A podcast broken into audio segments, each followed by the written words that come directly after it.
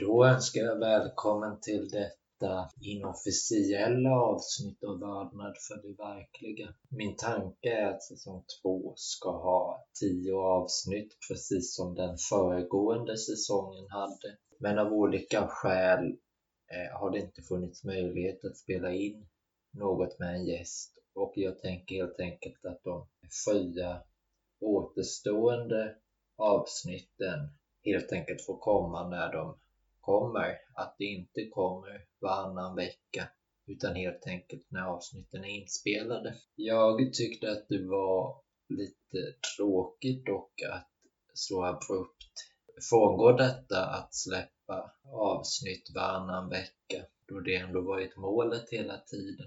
Så därför tänkte jag att jag kunde frångå den sokratiska principen om att bedriva filosofi genom dialog, genom att helt enkelt tala själv här en stund om de frågor som har fått mig så intresserad av filosofi att helt enkelt närma sig de frågorna och se om det är möjligt. Även monologen inbegriper väl en viss, ett visst mått av dialog i att det jag får göra är att ställa frågor till mig själv och ställa tillbaka frågorna till mig själv. När jag började fundera på vad jag kunde tala om i detta avsnittet var det helt enkelt att gå till djupet med varför jag kommit in på filosofi. Att helt enkelt ställa den frågan jag ställt till flera av gästerna här. Att vad är någonstans den största frågan? Att vilken fråga är det som så att säga är grunden till filosoferandet? Dels för egen del, men också som jag ser som egentligen en, en grund för filosofin. Kanske det som gör att vi börjar undra från första början. Eh, så mitt svar egentligen på vad som är den största filosofiska frågeställningen är vad det är förändring för något. Varför tycks det som att allting ständigt förändras? Finns det något mål med den här förändringen?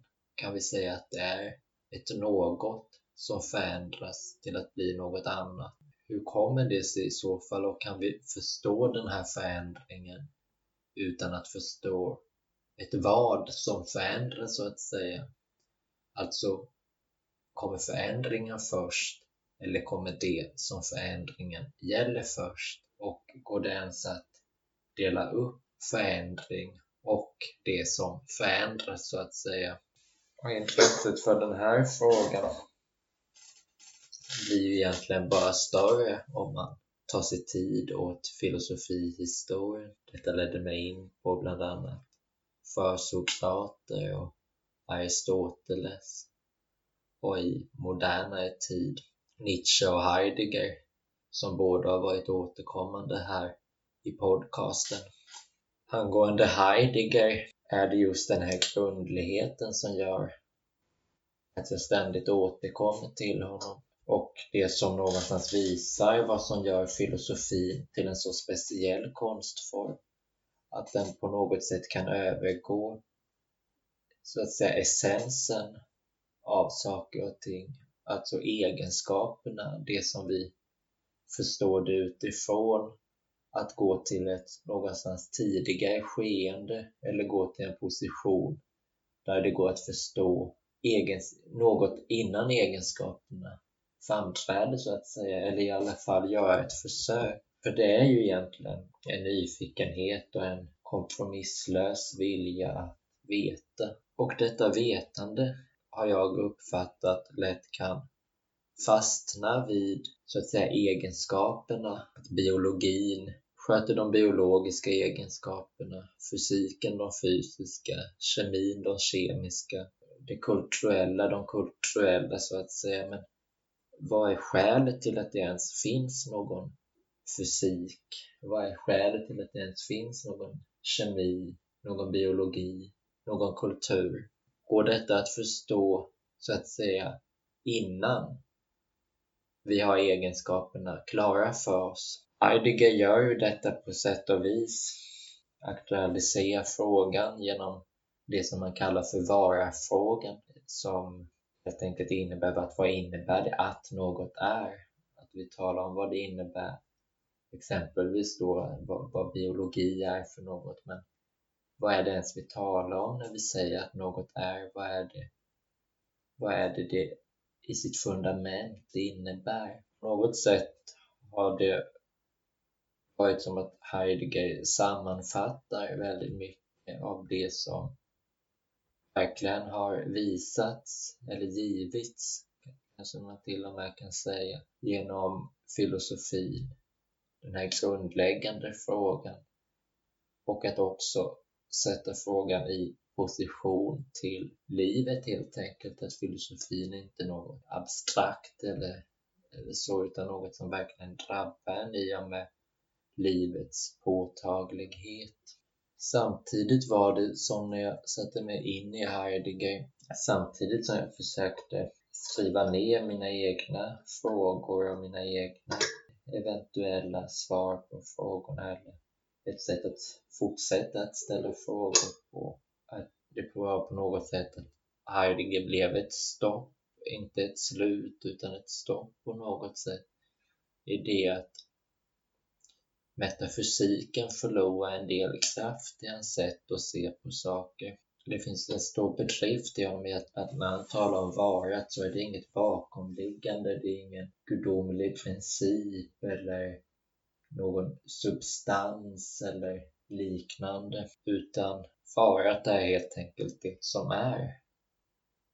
Förstå det som är som att det är, inte genom något som har hänt föregående, inte ge auktoritet till något bortom varat, varifrån det i så fall skulle antas hämta sin kraft. Den fråga om förändring eller blivande som är den som förundrat mig mest tycktes bli något marginell, den här synen på varat. Samtidigt var jag inte säker på hur det skulle gå att gå vidare eller om det kanske gick att stanna i varufrågan som Heidegger ställde. Eh, jag tänkte exempelvis på försokstaterna som i, i regel ställer frågan om vad ursprunget till allt är. Exempelvis Herakleitos som säger att ursprunget till allt är elden. Men det är inte så att elden egentligen är mer eld eller vara än exempelvis röken från elden eller de förändringar som elden gör i och med också det kallaste som kan tyckas mest fjärran från eld enligt Herakleitos i någon bemärkelse faktiskt är eld. Så sätt går det genom vara-frågan också att ställa frågor om förändring och blivande men jag har inte riktigt nöjd med att vara att förändras eller att vara ett inbegrip i förändring, att förändring och vara två perspektiv av samma sak. Utan jag frågar mig, hur är detta möjligt och hur är det möjligt utan att förstå varat som vad det är eller för den delen att det är så att säga att vad är, är den här förändringen? Vad riktas den mot? Och detta leder ju kanske tankarna till att det finns något ändamålsenligt. Att förändringen har någon form av sikte. Men så behöver ju nödvändigtvis inte vara fallet. I alla fall tycks det egendomligt att förutsätta att så skulle vara. Så frågan är någonstans hur det som är har blivit som det är utan att förutsätta det som det är så att säga.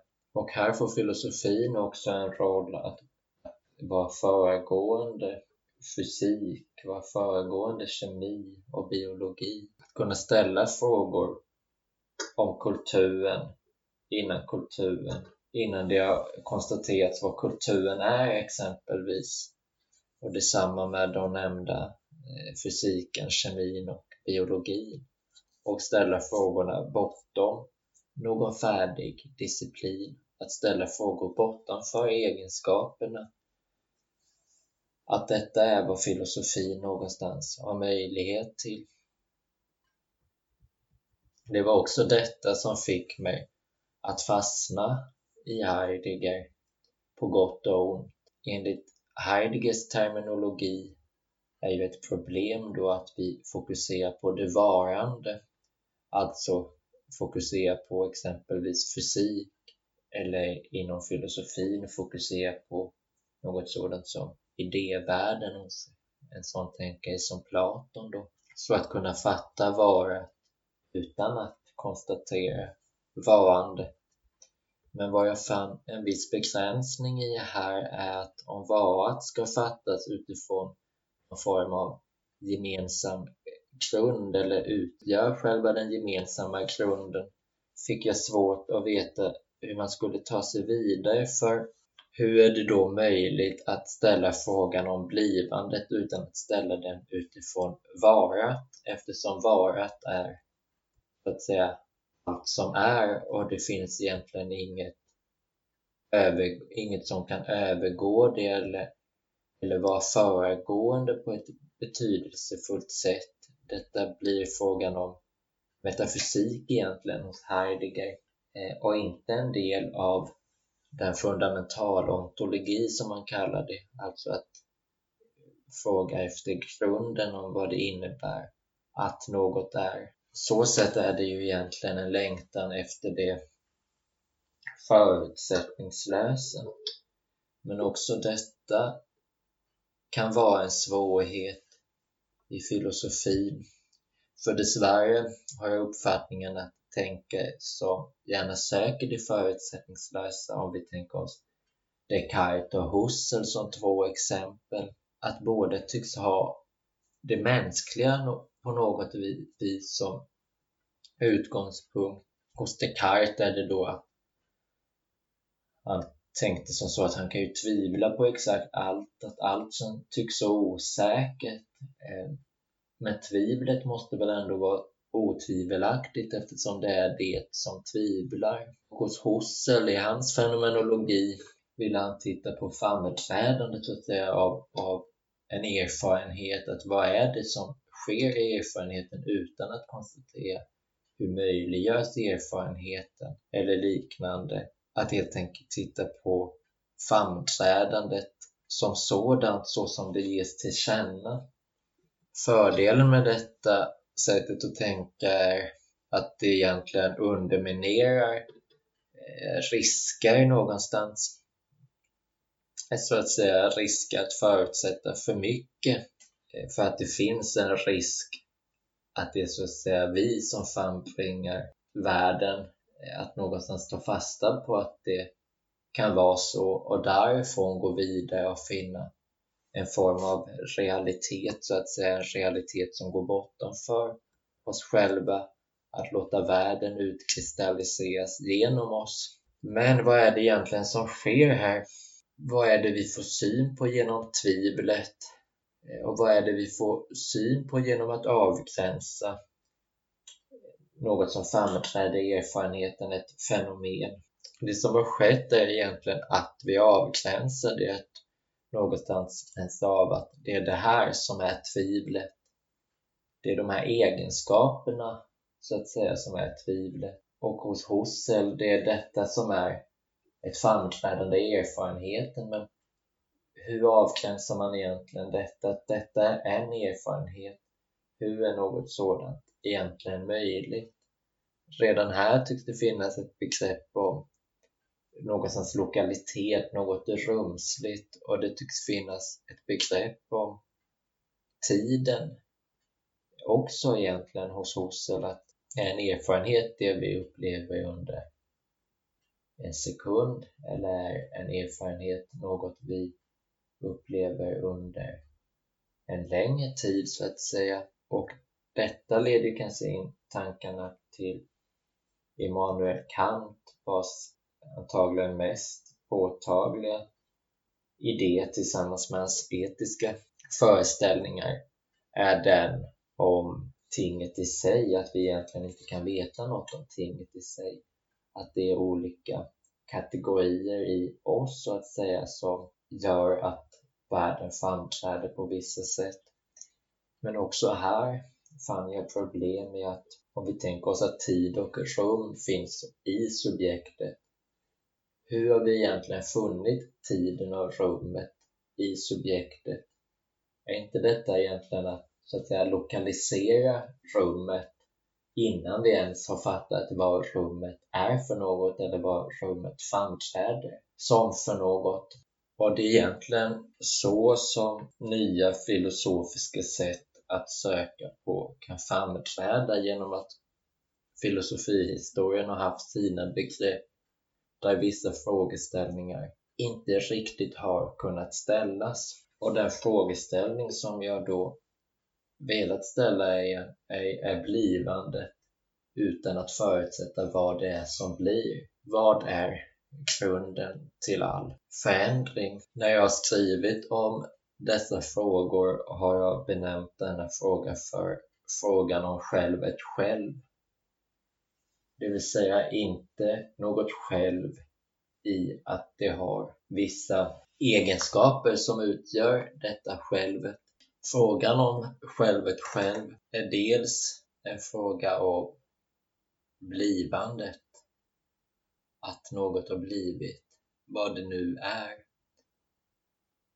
Men också det att förändringen så att säga inte är homogen.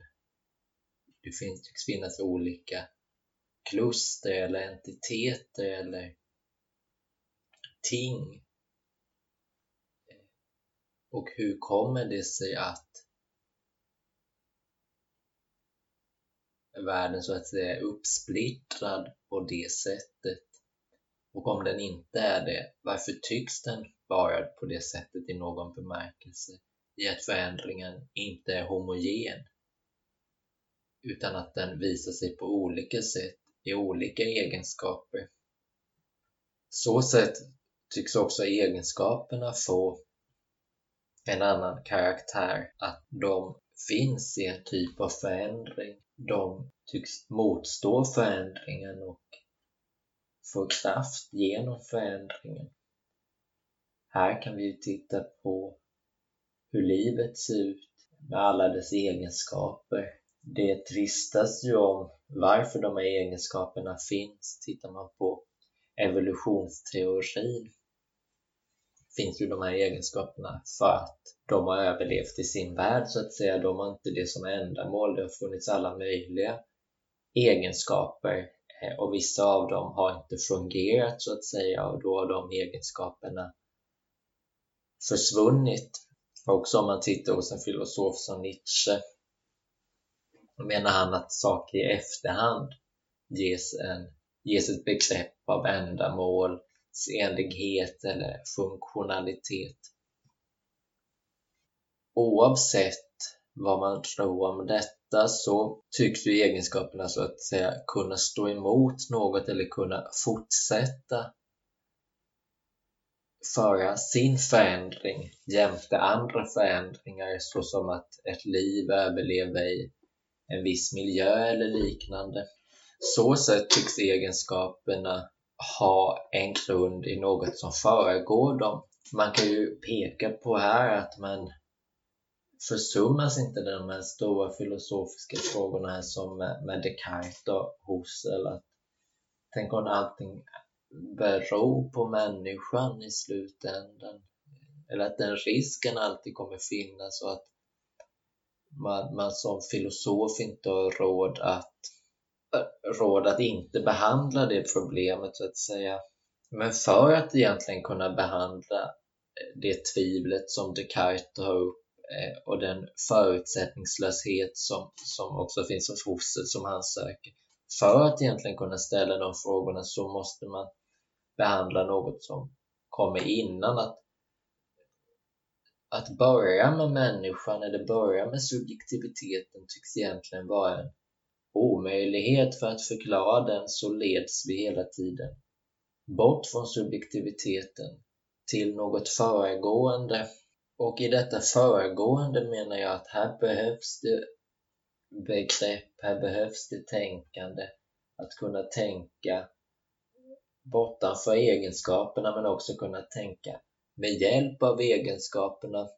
För detta är något jag kan finna i den ganska samtida pessimism som finns kring vårt vetande som, som hjälps till av en empirism då att vi ska titta på hur det ser ut i världen och den här kunskapen om världen säger oss egentligen inte så mycket mer än att vissa saker upprepas och då blir det signifikant men det säger egentligen aldrig något om grunden utan varje upplevelse vi har kommer egentligen vara av kvantitativt slag så att säga.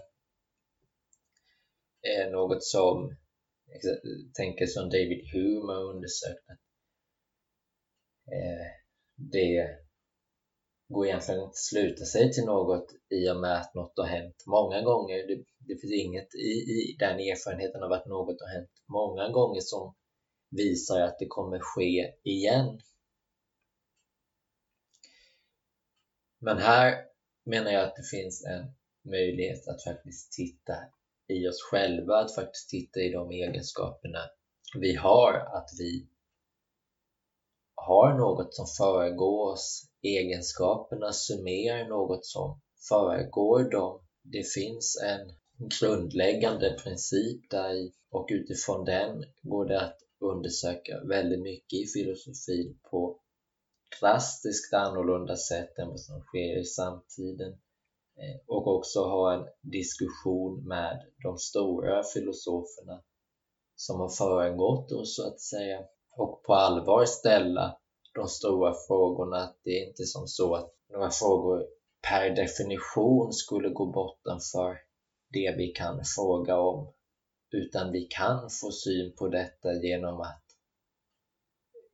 greppa att förändringen är så fundamental, att förändringen är så fundamental att vi inte kan ha den här förutsättningslösheten som tänker som Husserl och Descartes eh, menade var förutsättningslöst. Det blev inte förutsättningslöst. Det blev en form av dogmatik i det subjektiva eller det, det mänskliga. Och så sätt också undersöka tiden som en slags början i filosofin. Att tiden har fört oss till där vi nu befinner oss. Så att möjligheterna till undersökning är gigantiskt stora och att det här är egentligen som jag när jag skrivit om det har benämnt det för producentlogik. Ehm, inte, inte för processlogik utan producent, att det är något specifikt som har blivit till och att logiken egentligen är att greppa hur detta har blivit till. Logiken är inga formler vi lägger på på verkligheten utan logik är helt enkelt ett sätt varpå vi kan lokalisera något bortanför det omedelbara framträdandet där inte ens tiden behöver vara på det sättet som ofta förutsätter att tiden på något sätt skulle bestå av olika nuvaron. Eh, att snarare nu nuvarat en produkt av tiden som en kolossal förändring. Nuet är ju någonstans, i alla fall så som jag tolkar det, att nuet är det oföränderliga som också finns hos tänkare som Hume, att tiden är olika nun och det kan inte finnas fler nun utan det logiska är så att säga att det finns ett nu menar Hume. Annars hamnar vi i massvis av motsättningar men det är ju någonstans att försöka få bort det här föränderliga att tiden består av icke-tid någonstans. Men min syn på det snarare att tiden består av tid att tid är det som består av sig självt. Det är så någonting blir tidsligt och det är på det viset allt är tidsligt, men inte i bemärkelsen att tid bara är synonym till alltet, men tiden är de aspekter i varat som så att säga består av sig själv. Och också om man vill så att säga försöka bygga tiden på nuet så blir frågan någonstans att hur kan ett nu avlösas till ett annat nu? Då tycks det som att det finns någon tid som ligger över nuen och möjliggör den här förändringen så att säga. Jag skulle kunna tala vidare länge om allt detta och detta är sådana frågor jag naturligtvis funderat väldigt mycket över och skrivit en del om jag vet inte om det gör sig väl i verbalt format. Kanske gör det sig bättre i textformat, men jag tyckte det vore roligt just att spela in något kortare inofficiellt avsnitt så här och tala om de här frågorna, tala om det som lockar mig egentligen till att göra den här podcasten. Sen är det ju också mer konkreta frågor såsom etik och estetik, men också de frågorna går egentligen att ställa utifrån den här grunden att det jag tagit upp nu egentligen något som kan ligga till grund för hur världen överhuvudtaget betraktas så att säga. Och så vill jag passa på att säga att jag är väldigt glad över alla som lyssnar på podcasten och jag hoppas ni kommer ha behållning av de avsnitt som kommer inom en förhoppningsvis snar framtid och att podcasten kommer oregelbundet, inte för eh, att jag är på väg att sluta med den eller så, utan bara att det, att det har blivit vissa svårigheter att göra avsnitten i så här snabb takt. Men den kommer fortsätta och säsong två kommer då som sagt också bestå av tio avsnitt och den fortsätter antingen via nästa traditionella avsnitt eller kanske kommer jag spela in något mer sånt här avsnitt. Tack så länge. Farväl.